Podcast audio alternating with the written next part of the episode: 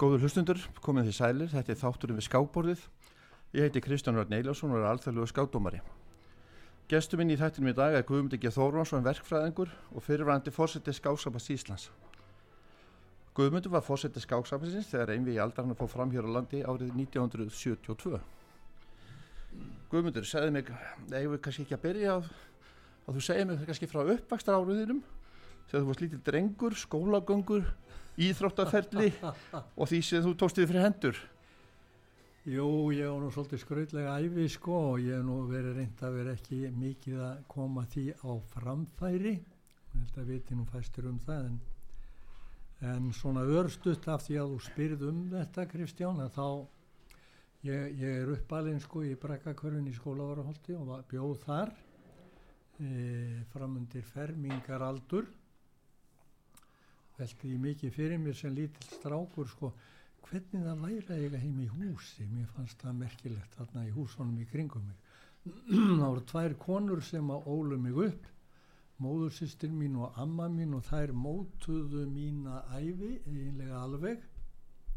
Þarna var þessi gamla heiðarlega fátækt sko. Og uh, þær eiginlega aðalega amma mín réðu því að ég fór í skóla. Ég vildi ekki fara í skóla ég vildi alls ekki fara í skóla. Ég var sko ég komin eiginlega á samning sem múrari og uh, múrarar voru þeir fyrstu sem að fengu að vinna eftir ákvæðistaksta og mér fannst þetta svo mikið laun. Og ég var mjög spenntur fyrir þessu. En ég fekk nú ekki alveg að ráða því því að múrarinn sem ætlaði að kenna mér og taka mig hann sagði ég er fullorðin maðurkvöndur lærði aldrei neitt og ég vil ekki áfæri sömu leið og ég og þú verður að taka hvaðbró og ég sagði nei það kemur ekki til greina það er tvö ári viðbútt ég þarf að fara að fá peninga. Og við rifumstu þetta svolítið endaði með því að við söndum um að ég fær í landspróf. En uh, svo bara fekk ég bref frá mentarskólanum í Reykjavík um að ég væri tekin inn. Þá hafði amma mín sótt um fyrir mig í mentarskólan og þannig að ég vissi neitt um það það verður heilmikið látökum það heima og ég vildi ekki fara í mentarskóla ég, ég fannst ég verða að fara að vinna fyrir peningum mætti ekki vera þessu. En hún saði gala konunum var nú ströng. Sko ég hef búin að leggja svo mikið á mig að reyna að ala þig upp.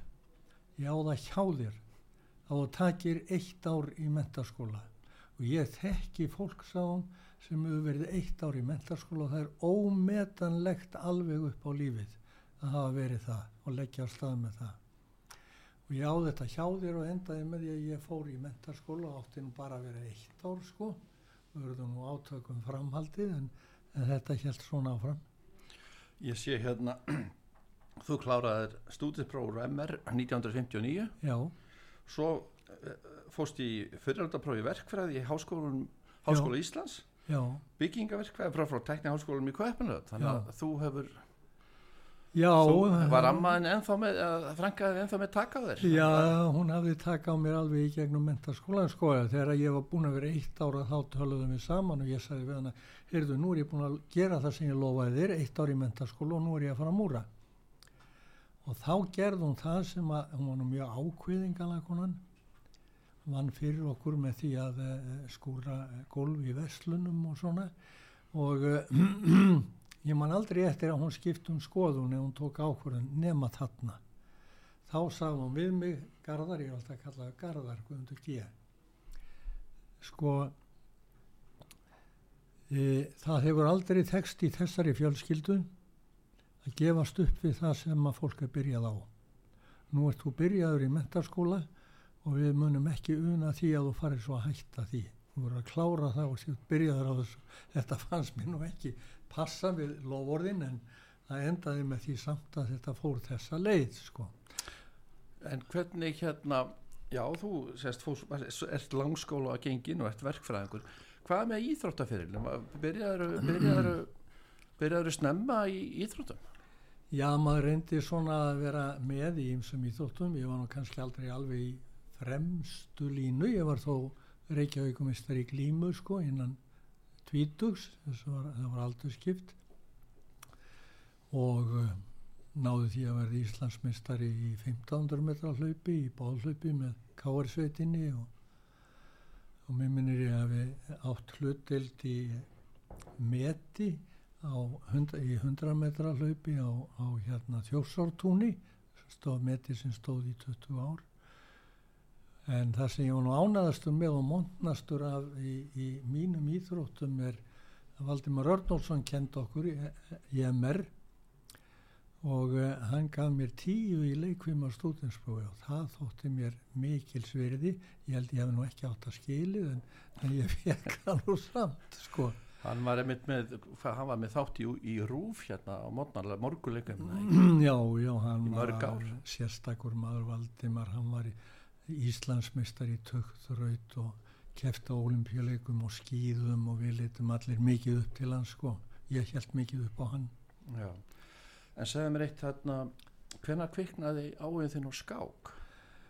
Það var nú held ég bara í brakakverfinu, það var kennari sem að bjóð þarna í húsi rétt hjá okkur og hann tók svona hálgerðu ástfóstri við mig og sókti mig alltaf og tók mig heim til sín og síndi mér manngangin því að ég var náttúrulega með stein, amma og, og uh, þessar konur sem ólu mig upp, þær voru í vinnu á daginn og svo ég var bara einn og hann kendi mér manngangin og, og kendi mér að spila ímislegt, lomber og fleira.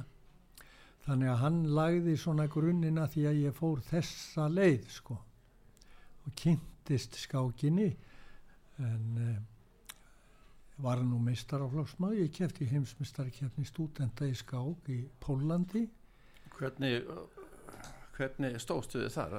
Já, ég var nú varamaður í sveitinni en var látin tefla hér um byrja allar skákinnar og uh, ég held að ég hefði fengið hæstu vinn í prósentuna í sveitinni en ég teldi náttúrulega við veikustu mennina því að ég var alltaf á fjóruðaborði og uh, það gekk vel ég, ég tapaði ekki um einni skák af 7-8 í hinsmyndstaramótinu Já, hvað varstu gammal það? Ég verið, sko, þá var ég byrjaður að læra verkvæði þetta var studentamót fyrir þá sem voru að læra. Allir hef ekki verið 20 og uh, þryggja fjögur ára. Já, ég, ég hérna uh, ef við komum kannski að Jóhanni Þóri. Já. Bró, Bróðin, hann var nú uh, svakalegu skákfrömmuður og hérna var, var gaf út marga bækur og, og, og heilu brettin sko sem, a, sem hann gaf út og gaf, svo, var, svo var það gefið að hún látnum með það sérst Já. þá, þá fenguð taffjörlunni þetta það, til lag, lagar af bókum og segði mér þess frá því. Kom á hérna gegn hann eða, eða líka jú, eða? Jú, sko Jóhann Þóri var náttúrulega mjög sérstakur maður, hann teldi í landslýsflokki til dæmis, hann var góðu skákmaður hann gaf út tímariti skák í fjölda ára og uh, rak prentsmiðju og var mikill áhuga maður um skák og svo náttúrulega gerði hann það sem við heldum að vera ekki hægt. Hann held fjölda af alþjóðlegum skákmótum út um allt land sko alveg uh, norður á strandir og, og um allt sko, austur á fyrði og hann alltjóðlega skákmót og, og það var alveg ótrúlegt afreg sem hann lagði á sig í því. Skákin var eiginlega að hluta hans heimur sko. Hann hjælt gríðarlega mikið upp á Fridrik Ólarsson sem að Íslinga gerðu nú ekki lítið því að Fridrik var nú bæði frendi okkar og vinnur og ég mann sérstaklega eftir því að hann held svo mikið upp á Fridrik að það voru tveir menn í hans lífi, Jóhanns Þóris, sem aldrei mátti halla máli á og ef að það var gert þá var það reyður. Það var Fridrik Ólason og Elvis Presley. Stjörnunar tvær. Já, stjörnunar tvær. Það var, það var mjög sérstakur og hardskeittur og döglegur maður, Jóhann Þóris hann, held, hann var með helgaskápmótum hann held 49 helgaskáp um allt land hugsaðu þér, hugsaðu þér sko, um allt land svo var, svo var að með minnir 50. móti haldið í viðei núna fyrir einhverjum árum síðan sko, já, já, þá var hann látin en það var svona minningar mót svo var haldið hérna alltfjörlegt mót sem var tilengað minningu hans. Ég segi nú sko hann er eiginlega einn af þessum miklu frumkvöðlum skáklistarinnar á Íslandi. Gef út bladið og gef út allar þessar bækur eins og nefndir áðan halda öll þessi mót og setja þetta allt í gang. Þetta minnir bara á eins og eh, Daniel Willard Fiske þegar hann var að efla skákina hér í byrjun og Jóhann Þórir á ótrúlegan feril í uppruna skáklistarinnar á Íslandi. Nefnilega yng, yngri kynnslóðin sko, hann hann, hann hann lést hvað, 1999 minni mig. Uh, ég man nú ekki ártalið en það er mjög líklegt hann dó allt á snemma sko. Yng, yngri kynnslóðin sko náttúrulega þekkir hann ekki sem er að tefla í dag sko. Nei, nei, það var hjartastopp sko og uh, hann fór, hann var rúmlega 50 þegar hann fór sko eftir þennan mikla feril sem hann átt innan, ska, hann var formaður tapfélagsins um tíma. Hann, hann held fyrsta Reykjavíkur skákmótið alþjóðlega skákmótið 1900 hvað 64 64 fyrst, fyrsta mótið. Og það voru nú ekki margir trúaðir á að hann gæti það. Ég held mér að segja fórustu með skáksambansins þá hafi talið þetta hefði mesta óráð sko, hann var að fá svo mikið af ellendum meisturum og tefla þetta alþjóðlega mót hér sem síðan hefur orðið fastur þáttur í skáklífi Íslendinga. Hann var mikill framkvæmda maður sko, við höfum ekki eignast sko, manna þessu kaliberi síðan. Uh, til dæmis bara fyrir uh, krakkana sem eru kannski að hl- hlusta og já, þeir já, sem hafa komið inn í tafélag Reykjavíkur og séð alla bókahillunar og alla bækunar sem eru inn á skrifstofu. Já. Þetta er meira að minna uh, prenta hjá honum. Þetta er alltaf rétt sko og svona menn fæðast ekki nema mörg hundru ára fresti sko. Það er alveg rétt. Ég flettið upp hérna bara rétt áður en við fórum inn í stúdióið að, að þá sé ég það er á vefsíðu Friðriks Ólafssonar vefsíða til heiðurs fyrsta stórmestara Íslands. Þá er 2001 minningamóti Jóhanns Þóris Jónssonar. Já, og þá er það alls ekki morgublaðið þetta er 12 stórmestara mætti til leiks já, á þessu minningamóti já, já, þarna voru, þarna voru menn eins og Ívan Sókalov Pítur Hæni Nílsen. Hannes Lífa Stefánsson Timman, já, Jan Elvest Helgi Ólafsson og Friðrik Ólafsson og svo framvegis já, þér, já, já. Og hann átti það skilið að er þið haldið minningar mótum mann sko, mótið var kent við hann. Hann leik nú millileik þegar hann gerði mig að fórsetta skáksambands Íslands sem var nú furðulegt mál. Já, var það ekki eitthvað svipað og með frænguðin eða ömmuðin að vera í skólan? Jú, jú, jú, það var svipað, ég ætlaði aldrei í skólan og ég ætlaði aldrei að, að, að verða fórseti skáksambandsins. Það er eitthvað, ég held að sé 1968 eða 9, líklega 69 sem að það ringir í mig bladamæður á morgunblæðin og segir okkur langar að vita hérna hvaða plön þú ert með fyrir skáksamband Íslands. og ég svaraði náttúrulega, heyrðu þú ert með vilsan mann, ég hef ekkert með það að gera. Það var smá þögn og þá sagði "Heyrðu, þú varst hvað sem fórseti skáksambandsins sem á sunnudaginn var. Það getur ekki verið segi ég, þetta er eitthvað miskilningur ég var ekki þar en svo kom það í ljós að það urðu átök á aðalfundinum og Guðmundur uh, Arason sem var nú merkur eh, félagsmaður í skákinni og Íslandsmeistar í nefalikum hann reyttist svo illa að hann gekk út og, og aðalfundurinn hafði engan mann og til að taka við fórstembættinu og Jóhann Þóri stóð upp og sagði við kjósum bara Guðmund G. Og þeir spurðan hefur leiði til að stinga upp á honu já já það er allt í lagi með það svo stakk hann bara upp á mér og ég var kosin fórseti og ég sekk eitthvað það og bar það allt tilbaka sko. Og hann sagði við mig, ég sagði þú veist að ég er nýjútskrifaði verkfræðingur ég má ekki vera að þessu, ég er að byggja og ég er með konu og þrjú börn og, og ég get ekki gert þetta. Og hann sagði það er ekkert að gerast í þessu skáksambandi blessaður og engar að ég þurfum bara að manna þetta. Eða þarf að gera eitthvað þá skal ég gera það. Og endaði með ég fjælst á það að vera tvö ár til þess að þetta er ekki leiðinlegt fyrir hann sem stakk upp á mér. Og þegar ég ætlaði að fara að hætta sko og sagði nú í stjórn skáksambansins og fleiri nú er ég búin að vera tvö ár. Þá kom ég frá doktor Öve það sem hann óskaði eftir að við Fíti, fýta alþjóða, alþjóða skásambandinu já, fyrirverandi heimsmyndstari í skák óskaði eftir því allar aðildar þjóðirnar gerðu tilbóði að halda envíi Fisses og Sparski sem að þá var mikið rætt um að væri í farvatninu. Og þetta tókum við fyrir á, á stjórnaföndi skáksambans og ég náttúrulega sem verkræðingur með báðarfætur og jörðinni saði það verið enga þýðingu fyrir okkur að vera að bjóði þetta. Við höfum enga peninga til að bjóða á móti. Þetta átti náttúrulega að fara eftir velunu uppæðinni á móti Bandaríkjónum og Argentín og Júgoslavíu og allir Östur-Európa og þessum miklu áhuga við höfum heldur ekki fjarskipta samband sko þá var nú ekki komið internetið en þá reyndar gerfitungl hérna yfir landinu en við höfum ekki aðganga þeim. En eh, einhvern veginn að þá tókst þeim nú með miklu og ekki síst Jóhann Þórir þeim ítti náttúrulega þessi, mikli skák áhuga maður ítt hann á það að ég leti senda og sendi tilbóð ég fekk Freystein Þorbergsson til að vinna með mér í þessu og Guðmund Ara Guðmund hérna Einarsson verkfræðing.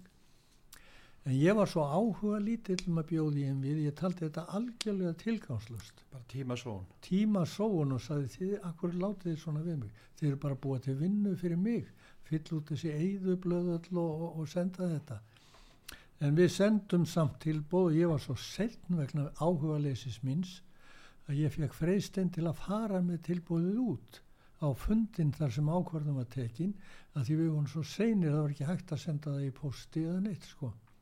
Hann gerði það með miklum sóm og kom svo heim og sagði já það eru 12-14 tilbóð og Ísland er nummið þrjú. Það var, það var sko það var Júgoslavi og Argentina sem voru með herri tilbóðum við og ég sagði náttúrulega að fundi skáksamband að sjá í þetta hafði ég rétt fyrir mér þetta var tilgangslöst ha þau bara byggu þarna til heilmikla vinnu fyrir mig að basla við þetta allt. Og uh, en þá skeiði það sem engan okkar óræði fyrir. Að uh, doktor Öfi sagði já, keppendurni verða að hafa eitthvað um það að segja hvað er telt og uh, Fissir vil tefla í Júgoslavíu en Spassky vil tefla á Íslandi það kom ég nú algjörlega opna skjöldu sko. Og hann sagði þið skulu bara ég ætla að skipta einvíinu með Júgoslavi og Íslands. Helmingur á hvorum stað. Og ég var náttúrulega allt í einu lendur í miklum samninga verðan við Júgoslavana eh, um þetta. Það var nú það var executive uh, framkvæmdastjóri fyrir Export and Credit Bank of Jugoslavia þessi sem var formaður samninganemndar Júgoslavana mjög harðskeittur maður og peningalegur. Ég hef nú alltaf sagt að menn eru peningalegi sko þegar þeir eru orðinir sköllóttir með ístru og tannlausir. En hann fylgti nú ekki alveg inn í það þetta var myndar kall en okkur tókst þetta nokkuð margafundi að semja um hvern átt að skipta einvíinu, hvern átt að skipta velunum millir Íslands og Júkoslavi þetta var allt endalaus flækja sko. Og Áskil Friðjónsson mætti á þessa samningafundi með mér sem var varafórsetti skáksambansins en svo þegar við erum búinir að semja og ganga frá þess og samningurinn kominn og við áttum að vera með setni hlutan þá stendur bankastjórinu upp Júgoslavin og segir já við heyrum bara að það sé þannig með þennan mann þennan fyrst að það sé ístan mæti. Við leggjum ekki meiri kostnað við þetta að undirbúa svona einvíi nema við fáum tryggingu fyrir að hann mæti. Og öfið fór með það til bandaríkjan og segði því verið að skaffa trygginga að hann mæti og bandaríkjan sagði nei, við leggjum enga tryggingu fyrir því að, að fyrst er mæti við getum ekkert ábyrgst það og þá stóð þessi bankastjóri bara upp og sagði við erum hættir. Við komum ekki nálagt þessu meira. Við förum ekki að eða peningum og tíma í þetta og svo verður ekkert einvið það verður auðvitað aldrei neitt einvið hann hefur kannski séð eh, eitthvað frem í tíman það verðist að verið svona spámaður. Og þá skeiðir það sem er merkilegt og ekki allir gera sig grein fyrir að doktor Öfi hann hafði samband við þær þjóðir sem buðu í einvið til aðtuga hvort að einhverju þeirra vildi ganga inn í hlut Júkosláfana ég var nú ekki ánægð með það. Og sagði við hann þú getur ekki gert þetta við söndum Júgosláfa og þú getur ekki framselt okkar samninga til einhverja sem við þekkjum ekki neitt. En að makalusa var að allar þjóðirnar sáðu hands off. Þetta verður sennilega ekki þeim við förum ekki að leggja uh, vinnu í þetta. Og sögðu allir nei þá var öfi í vandraðum talaði við mig og ég náttúrulega bæði sem bláegur og, og, auðtrúa verkfræðingur sagði þetta getur ekki verið neitt mál og alls ekki fyrir Íslendinga að halda svona skákum við þetta eru tveir menn við eitt borð sem sitta við borðið og tefla. Þetta er ekkert mál við skulum bara taka þetta að okkur á Íslandi.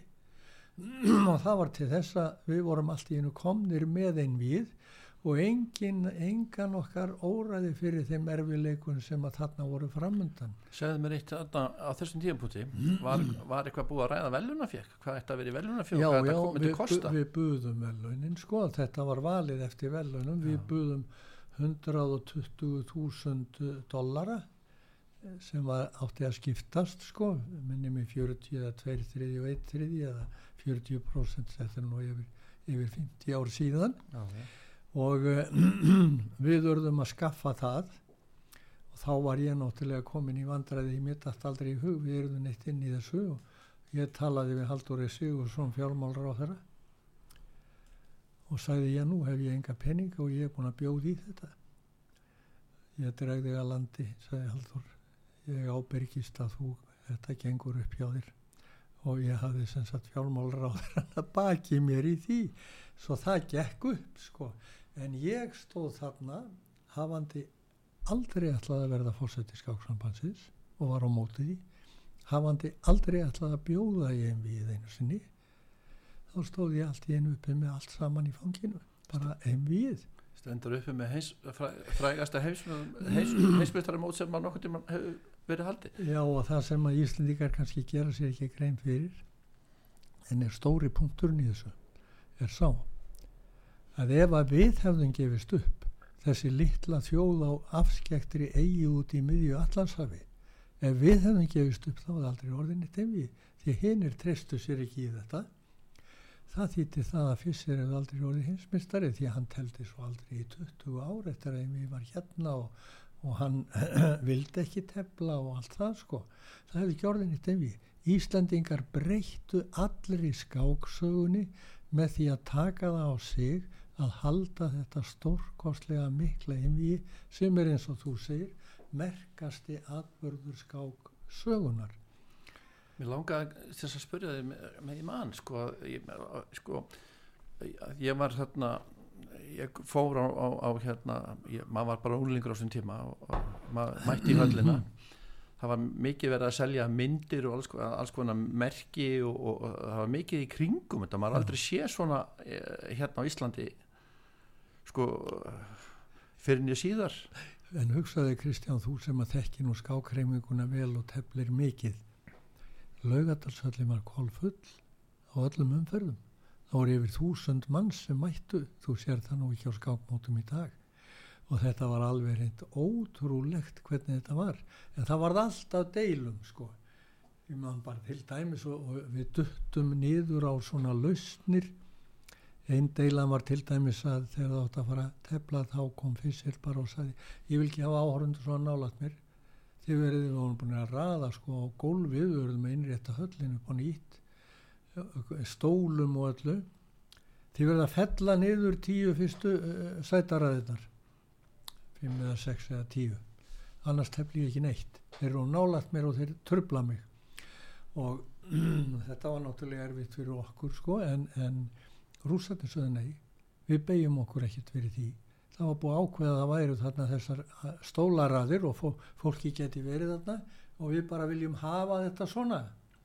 Og það leitt út fyrir einn við myndi springa á þessum stólaröðum þanga til að við duttum hérna þessir Íslendingar niður á málið, málamiðlun og sögðum við leysum þetta. Við færum ekki stólana. Þeir verða bara kyrrir. Þá fær fyrst sínt sína kröfu fram. En við bannum að það sé setið í þeim. Og það gekk upp. Fremstu röðunar voru kyrrar en það var ekki setið í þeim þannig að hann fekk sitt í gegn sko að, að, að áhörundin voru lengri í, í burtu og rúsarnir fenguð það í gegn að sætaræðinar voru alltaf Var það ekki líka þannig að hann bara, hann ætlaði ekki að koma upp af því, var ekki var, fóstu ekki, sko, var ekki Óli, Ólafur Jóhannesson fyrir með þetta fórsturana sem fór upp í bandaræska sendir og þú fekk að ringja Jó, hann ringdi í ambassadorinn sem að reyndar var tjálsveit að fer því það var verið að skipta um ambassador. Þetta var þannig að þetta er svo ótrúlegt þetta er allt tómar tilviljanir Kristján. Sko, Fissir kom ekki og það var alveg ljúst að hann ætlaði ekki að koma og bandarísku lagfræðingarnir sem voru tveir eða þrýr þeir sögðu við mig undur það verður ekkit en við verðum bara að klára á því. Þegar ég var að fara neyri eftir að setja innvíð í lögadalsöllinni og það var ljóst að ég var að setja þetta og engin engin, engin, engin hérna fyrst er komin og uh, ég fór nú að velta fyrir mig hvað ég geti gert og ég var að reyna að ná sambandi við fyrst og það tókst ekki, hann var í bandaríkjónum bara. Og ég bað Spassky að ringi hann. Þeir voru svo miklu vinir. Spassky sagði ég skal tala við hann ef hann ringir en ég ringi ekki. Svo ég fór í plan að semja við síman um að ég fengi að tengja þá og hvoru ringdi og þetta var náttúrulega örvænting bara upp á að reyna að ná þeim einhvern veginn saman þá kemur símtal til mín og það er frá rúsneska eða sovjerska sendiráðinu. Og þeir segja við mig þú verður að mæta á Hotel Esju og tala við Spassky, það er mjög áriðandi já alveg sjálfsagt sí og ég fór niður á Hotel Esju og hitti Spassky þar.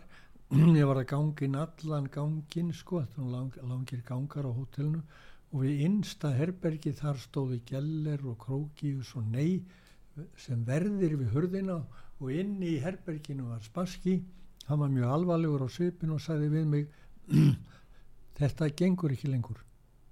Þú verður að leysa þetta á herri level. Hæ? sagði ég á herri level? Ég hefði nú ekki hugmyndaflug í það.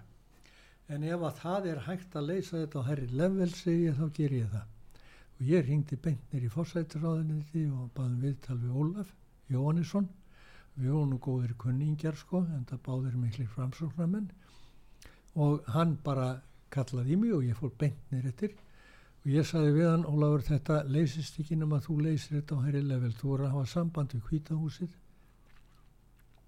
og, og byggja þá að beita sér fyrir því að fyrst komi. Og uh, hann sagði við mig Guðmundur þú ert nú ungur maður. Við gerum ekki svona hluti og við tölum um hvað ég það beð kort er um þetta þá ég á búin að samfæra hann. Og hann ringir upp í bandaríska sendiróð það, þaðan kom þessi maður sem var fyrir sendiróðinu og það er alltaf langt mála að rekja þetta en Ólafur sagði við hann sko Íslenska skáksambandi er búið að gera allt sem hægt er til að undirbúa þetta með myndarbrag. En e, þessi bandaríka maður samlandiðinn hann kemur ekki og það er að skapa hér óvild gegn eh, landiðinu í, í okkar landi. Og það er áriðandi að þeir einið að laga það. Og hann sagði mér á eftir þessi maður bandaríkja maður að hann hljóp heim ringdi í kvítahúsið og þeir náðu í Kissinger hann ringdi í Fisser og bandaríkja bísku lögfræðingarnir sagði mér við vorum í herberginu með Fisser að reyna talan til. Gekk ekki, þetta var búið þegar að síminn ringir og það er Kissinger og hann segir við Fisser Þú verður að fara fyrir hönd bandarísku þjóðarinnar og vinna rúsana, sovjetkommunistana. Og þess að fyrst er þið breyst, svipurinn breytist á honum allt í einu, í stað þvermóðskunnar að vera hættur við þetta, að þá segir hann, e, e, e, að sögður að hann hefði orðið bara í framann eins og hermaður sem var að fara í stríðið. Og eftir alls konar vapninga og annars sko, sem eru langt mál að fara í að þá kom hann, kom hann. Við skulum, Guðmundur, við skulum fara í auðlusingar og, og eftir auðlusingar þá ætlum að spila lag sem þú hefur valið Já. hvaða lag er það? Já, mér langaði að heyra og ég hef alltaf ég gaman að ég heyra What a Wonderful World þar sem að uh, Louis Armstrong syngur og það er mjög merkilegt vegna þess að Louis Armstrong hann var náttúrulega trompetleikari og hann langaði svo mikið að syngja. Og hann fór alltaf fram á það í hljómsveitinni að fá að syngja á hljómleikonum og þeir svo alltaf þú getur ekkert sungið með þessa rödd, það er ekki hægt. Og hann fekk aldrei að syngja fyrir hann fekk held ég bara ég held að það verið þetta lag að hann fekk að syngja eitt lag og sló soliðis algjörlega í gegnum aður að hann breytti bara öllu Það var ekki aftur snúið. Nei. En við komum að vörmurspori eftir auðlýsingar.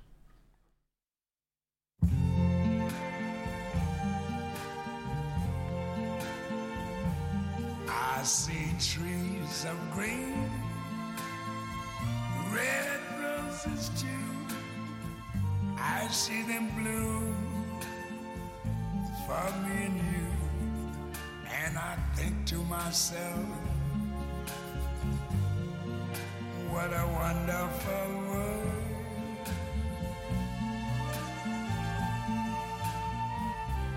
I see skies of blue and clouds of white, the bright blessed day, the dark sacred night, and I think to myself, what a wonderful world.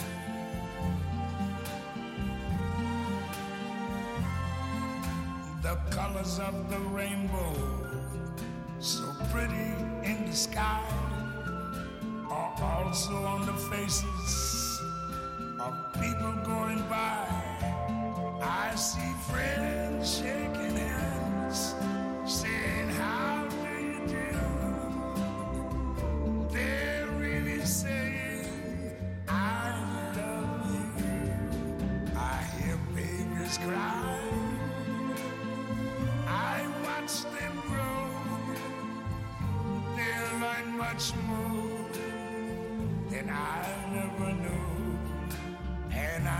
to myself,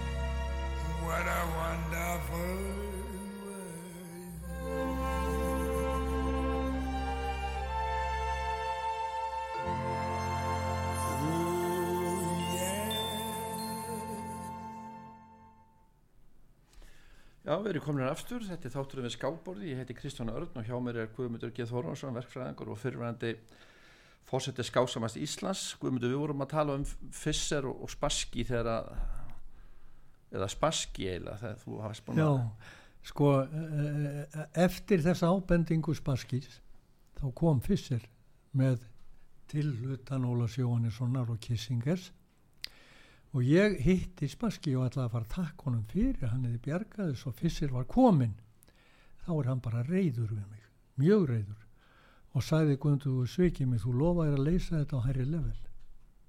Ég horfði á hann bara stórum augum og allt í einu löst eldingunir í hausinu á mér og ég skildi hvað var um að ræða. Hann var að tala um að Sovjetiríkin voru sko búin að kalla hann heim. Þeir sögðu heimsmeistarinn stendur hér og situr hér og býður eftir áskórandanum þetta er auðmíking við viljum ekki þóla þetta. Kontu heim, kontu bara heim. Við erum hættir við þetta sagði sovjíska skáksambandið. Og uh, þú er ekkert gert og er ekkert hatt samband við þá sagði, sagði Spanski, ég miskildan þetta er enn einn tilviljunin. Þetta emmi bjargaðist alltaf fyrir miskilning eða, eða tilviljanir. Og ég sagði nei, heyrðu já en, en ég er með viðtal við fórsætsráður núna og eftir sagði ég, og þá ætlum við að fara yfir þetta. Og hann sjallaðist nú við það. Ég talaði við Ólaf og hann sagði Guðmundur, ertu komin aftur? Og ég fór í gegnum það nú verður þú að hafa samband við sovjerska sendiróðið hann gerði það. Og segja þeim að það dáist allir að þessum merkilega manni hinsmistranum hérna. Og byggja þá að hafa áhrif á þaðan megi tepla á Íslandi þrátt fyrir allan þennan forleik sem orðin var og hann hafði samband við sovjerska sendiráðið. Þeir buðu mér nú í hóf eftir einvið og sögðu mér hvernig þetta gekk fyrir sig. Astavín héttan sendið þeirra hann hafði samband við Ivanov sem ég held að hafi verið íþróttamálar á þeirra Sovjetiríkjana og fekk þá til að bakka og að, að Spassky myndi tefla áfram. Og þannig þetta var bara einn pínulítill þáttur í öllu sem ég segi náttúrulega frá þessu Kristján öllu í bókminni eh, einvi í allra tíma já, það rekið þetta allt saman. Sonur minn sagði við mig þegar hann var búin að lesa hann yfir fyrir mig áður í lit brendala pappi, þessi bók þetta er bara eins og spennu sagði eftir Jón Grissam Segðu mér eitt. Uh, Spassky, ég, ég hitt hann nú hérna þegar hann kom einhvern mann hérna til Íslands eftir þetta en mér sýnist það á öllu að hérna sem maður hefur séð og sem nú fram í heimildamindinni sem hún síndi í rúf núna fyrir í vetur að hérna hann var, mikill herramaður og, og, og hafði þessi uh, hvað maður að segja, þessi framkoma fyrst þess heldur þetta hafi ekki haft áhrif á hann kannski eftir uh, sko hann var teppi í bortinnisherbyggjunu og slikt sko heldur þetta hafi ekki haft áhrif á spaski? Þetta end, einvi endaði hvað 12,5, 8,5 fyrir fyrst þetta er hárrétt hjá þér Kristján og gott á kemur inn á þetta vegna þess að það hefur allt og lítið verið vakin aðtekli á því. Auðvitað trublaði þetta spaski. Og ef maður talar um mann eins og Fridrik Ólafsson sem að gerði skýringar við allar skákinnar sem að ekki minni maður en fyrst saði að væri merkustu skýringar sem hefur verið gerðar við skákinnar í einvínu sko Fridrik segir að það sé áberandi hvað spaski hafi telt fyrstu skákinnar illa og leik jáfnvel af sér vegna þess að hann var ekki í jammaði að eiga í þessu öllu saman. Setni hluti envíðisins teflir hann miklu betur sko og bara mjög vel var stundum með fyrst í höndunum. En það er engin vafi að þessar aðstæður veiktu stöðu spaskís mjög mikið. En hann var náttúrulega sentilmaður eins og þú segir, hann var háskólamentaður og e, var mjög kurteis og kom alltaf fram mjög yfirvegað og uh, var mjög vinsæl maður að öllu leiti og, og á sömum punktum á að segja hann að við bjargaðum við eins og til dæmis þegar telt var í bakherbyrginu að hann skildi fallast á það. Síðar sagðan við mig hvað eftir annað? Og mér sé á 30 árun setna á ammæli emvíðisins hérna og sagðan ég var búin að tapa þess eftir þriðjuskákina og ég sagði það getur ekki verið spaski. þetta átti að vera 24 skákir og eftir þriðjuskákina stóðst þú 2-1 yfir. Nei ég gæti ekki meira þetta það var bara sálrænt. Ég var búin að tapa eftir þriðjuskákina ég held að sé eitthvað til í þessu sko, það er, já það er erfitt að tefla eftir svona já, hvað maður að meðferð. En það sérðu sko að fyrir emjið þau verið telt 5 skákir og það stóð hvað sparskiðaðinni tvær og þrjár jættibli Við þurfum að fara hrætt yfir sögu því að uh, ég hérna það er svo marg sem að þetta ræðum við þig sko, við getum verið hérna vikun saman. En hérna, mér langar, sko, ég ætla að spyrja það einu. Ég rekst á netunum því að vera aðeins að googla.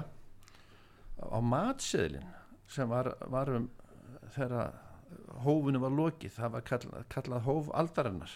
Já. Man, Manstu hvað var að borða? Nei, ég hef nú búin að gleyma því. Ég var náttúrulega með allan hugan við sko ræðuhöldin í byrjuninni og afhendingu vellaunana en uh, Guðlaugur Guðmundsson sem var þarna stjórnaformaður, hann og Þráinn Guðmundsson sem voru í stjórnskáksambansins og unnu mikið í samband við það sem hún nefndir áðan alla uh, minjagripin og sölun og, og allt það. Hann var mikill vinnur Þorvaldar í síld og fisk og hann fekk Þorvald í síld og fisk til að sjá um þessa visslu í löðatalsöllinni og það var mjög myndalega gert og það var náttúrulega kolfull höllinn og, og þetta var veisla aldarinnar. Ja. ég er hérna með fyrir framann matseðrin og hann var hérna hann var skráður á munþorp munþurku eða serviéttu þar var maðsöðlin sem var gul og lit prentar í brúnu lit á auk massiðin sem voru vörumerki Hotels Hols í Reykjavík Þorvaldur Sílt og Fisk leikúskjallarnas uh, og Sildar Fissjá og Ali Bacon. Og það sem var að borða var vild Íslands fjallalamp Ali grís, glóðastektur kartoflusalat rásalat kraftsósa, vikingsós eða sós var þetta kallað. Já. vín og vikingablóð kert með ís úr vatnajökli. Þeir sem eiga þennan matseðil sem eru held í ör fáir þeir geiman eins og bara gull sem minja gripum innvíð og, og veluna afhendinguna Já. En eh, við, við getum kannski farið þá eh, ég veit við stoppum stöðt hérna í heimsumöndra einmiðinu en svo teflaðar aftur 1992 í Jugosláfi Já, það var mjög merkileg og er stórmerkilegt mál og ég geri þínum taldi grein í bókinni þessi ungverska stúlka sem að le, eiginlega, já, leggur ástfóstur við fissir og skrifar honum og nær honum til að tefla aftur. En uh, það makalauðsa var náttúrulega að bandaríkja menn útýstu fissir einlega bæði vegna þess sem hann sagði um tvíburaturnana og svo hvernig hann talaði um gýðinga og þeir ógildu uh, hérna vegabrifans einhver tíman þegar var að fara í gegnum flugstöðin í Tókjó og Japanir tók hann fastan og hann var settur í fangelsi mánuðum saman þar.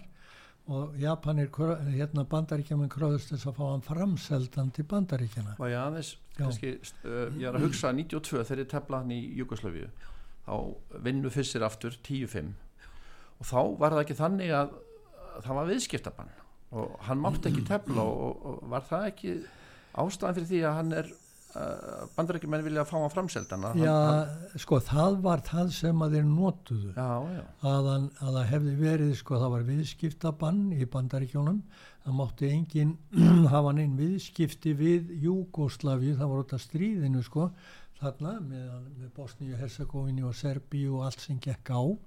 Og þeir, þetta var svona viðskipta þvinganir sem voru settar á en auðvitað tók Fisser það ekkit alvarlega en það var nú svona á mörgunum að það væri eftir að kalla þetta viðskipti þó hann færði tremenn af hvítum reytum og svarta þarna þannig að þess vegna ógiltuður vegabrjóðans en það var svona kamoflas ja. það var yfir hilminga mínu sko bandaríkin voru land og þau frí og þeir gátt ekki ofinberlega tekiðan sko fyrir það að hann talaði óvarlega um tvíburaturnana og um geðinga og annað því að það er málfrelsi minnst að kosti að, að, að málinu til í, bandaríkjónum og þeir gátt ekki nota það en þeir notuðu þetta.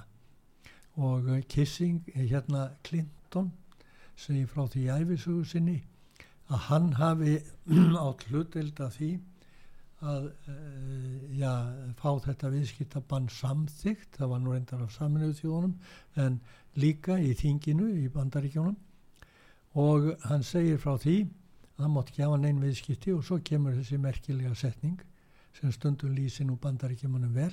Að hann segir það mátt enginn hafa viðskipti en, og uh, uppönnuðum öllum en þá voru tvö uh, fyrirtæki sem að fluttu út vopn til Júkoslavíu og við höfum ekki refstað þeim eða talið að þeir eru broti viðskiptabannið að því að var svo mikil skortur og opnum þannig En hann er sem sagt hann lendir í fangisi svo í Japan. Og, og hérna uh, sko ég þekkjum ekki alveg söguna en, en mér skilst ég talaði Arþrúi Karlsdóttur sem er útastjóri hérna út af sögu ég held að hann hafi sko Fissir hafi ringt inn Já. hann kemst einhvern veginn í síma og ringir inn út á sögu Já. og beður um aðstóð Já. og hún hafði samband við einhvern og, og hérna hvað gerir svo? síðan eru þið konir í vil, sko, vildavinninni konir í máluð þegar ekki ég held að sko þetta skeður þannig að hann var náttúrulega mjög áhyggjufullur að vera í þessu fangilsið því það var nálagt þessari, þessari kjarnorkustöð sem að missefnaðist mikið hjá Japunum og hann var svo hrettur við geyslunna og allt það og var náttúrulega að hann reynda að hafa samband við vini sína víða. Ég held að hann hafa haft samband við vini sína í Svíðþjóð, Tískalandi, Bandaríkjónum bara og, og you name it sko. En þeir sögðu allir hann bann á að hjálpa sér að komast úr fangilsinu. Hann væri staklaus. En þeir sögðu allir sko við förum ekki að leggja á okkur óvinn óvinn áttu við bandaríkjumenn bandaríkjumenn stæsta efnahagsveldi og herrveldi heimsins við það að bjarga ruggluðum skákmandi og það sagði allir nei nema Ísland. Eh, kannski í kjölfar eh, artrúðar þá höfðu margir Íslandikar samband við mig það var margir sem held að ég geti væri áhrifamaður sko geti gert eitthvað í þessu. Er ég auðvitað einhvern einn staðar. En ég stopnaði hóp við stofuborði heima hjá mér til að hjálpa honum.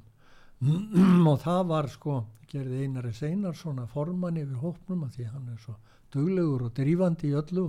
Ég með hans ég ekki hafa tíma í það. En það var til þess að við fórum út. Og eftir hjálp margra manna Sæma Rokk og, og Páls hérna útvarstjóra fyrir sjónastöða í Páls Magnússonar. Já, Magnússonar. Að þá eftir langa sög og merkilega sem ég segi nú frá í bókinni þá náðum við honum út úr fangilsinu og ég hef haldið því fram ef við hefðum ekki farið í þetta einir allra þjóða þegar enginn vildi fara í að hjálpa honum við heldum þrjá, fymtíu manna stóra bladamanna fundi út í Tókíó til að, að reka málans þar. Ef við hefðum ekki gert það og ef við hefðum ekki náð honum og notið aðstóðar Davís Ottssonar við að fá hann gerðan að íslensku hann var ríkisborgar þá fórstættaröður ekki? Nei, hann var þetta ríkistóður hann var auðvitað ekki það, já, Já. já, alveg rétt. að þá hefði hann að mínu viti líklega dáið í bandarísku fangilsi fyrst og það er ekkit voðalega gott orð sem fer á bandarískum fangilsum þannig að ég tel að við höfum þarna í annað skiptið eina þjóðin sem að fór af stað og breytti sögu skákarinnar með því að ná honum þarna út.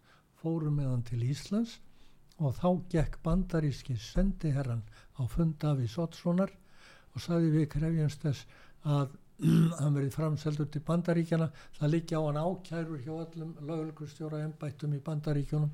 Við viljum fá hann þangað úr því hann er komin til ykkar.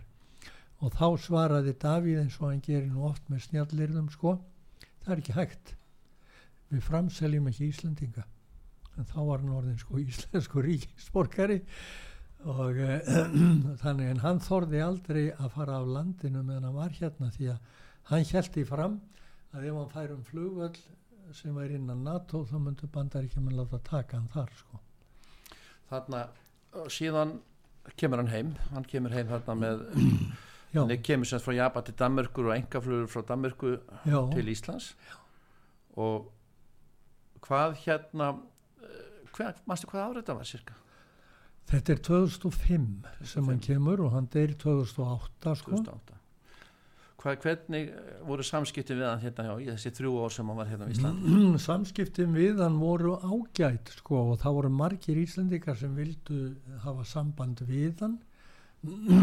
Ég veit að hann hafði talsett samband við Friðrik Ólafsson og Helga Ólafsson og hann hafði mjögtulega dálítið samband minnstakosti framanna við sem var rock og eh, Einaris Einarsson og Marga hann spurði nú dálítið um mig en ég ákvað nú að gera hann ekki að leiðtóa lífsmýns að því að mér fannst við hafa gert það sem við gátum að ná honum til landsins og, en hann heimsótti mig og við töluðum oft saman og svona en hann átti ekki marga eh, vini hérna sko en, en samt eh, reyndustir margir um velgarðar Sverrisson til dæmis hafði mikinn tíma aflögum og, og, og umgekst hann mikið hann hérna hann var 64 ára gammal hérna hann lest Já. ja, ja, ja, mörg ár og, og reyti tabbánsins Sko, þetta er gaman að minnist á þetta.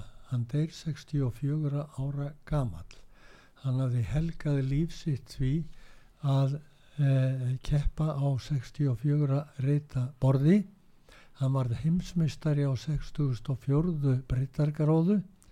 Hann sest að síðustu æfi árin á 64. breytargráðu á Íslandi og hann er jarðaður á 64. breytargráðu við eh, kirkjuna þarna í laugadælum já, laugtala kirkju á Selfossi já, það, var- já, það var hérna ég, þegar ég var aðeins að sk skoða hérna þá sá ég að þeir í húnahorni við skrá hérna því ekki að jarðsetta Bobby Fischer á Blöndósi en þar var skásamönd Íslands stofna árið 1925 alveg rétt. Þeir vildu fá hann á Blönd, Blöndós já, sem var ekkert uh, vittlaug hugmynd en ég var bæði því fram á að gaggrindur mikið fyrir. Að auðvitað ættum við að jarðan sko í þjóðarbækir áreitnum á þingvöllum við hliðin á einari Ben og Jónasi Hallgrímsinni menn voru nú ekki hrifnir af því þetta var nú heimsmeistari og heimsfrægum maður og Íslendingur orðin en þeir sögðu þetta var nú uh, svona um, mjög umdeldur maður og vandræðamaður. Og við getum ekki haft hann þar og ég sagði voru þeir nú ekki svolítið svona umrættir, Jónas og Einar voru nú drikkjumenn og ímislegt um þá að segja. Og þeir væri merk skáld og okkar þjóðar dýlingar en eh, það hlaut nú að sjálfsögðu ekki hljómgrunn. En ég fekk talsögða gaggríni fyrir að varpa þessu fram. Segðu mér eitt, uh, Friðrik Ólvarsson Já, segðu mér aðeins frá honum og, og hérna þú er kvartan til að já.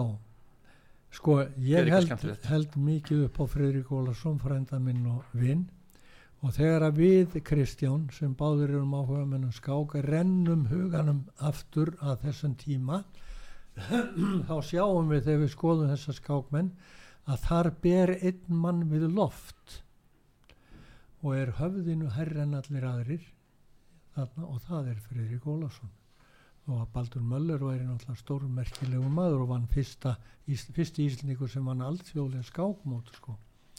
en eh, já, það er nú hægt að tala endalust um Fredrik Ólarsson og það hefur nú verið mjög merkir þættir í sjónvarpinu um hans æfiferill tveir þættir. En eh, það sem kemur efst í huga minn núna sko þegar þú nefnir hann það er að eh, ég tel að Fredrik Ólarsson hafi meira en allir Íslendingar og kannski meira en aðrir í heiminum velt fyrir sér uppbruna skáklistarinnar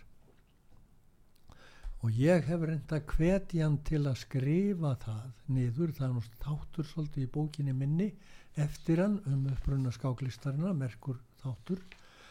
Og uh, jafnvel að hann líki sínum skákferli með því að skrifa doktorsritgerðum uppbruna skáklistarinnar hann hefur ekki tekið í illa en hann hefur nú í mörg hotna líta og ég veit ekki hvernig honum vegnar í því en upprunni skáklistarinnar ef við hefðum eins og tvær þrjár mínútur til að tala um það þá er það náttúrulega alveg stórkostlegt mál Já.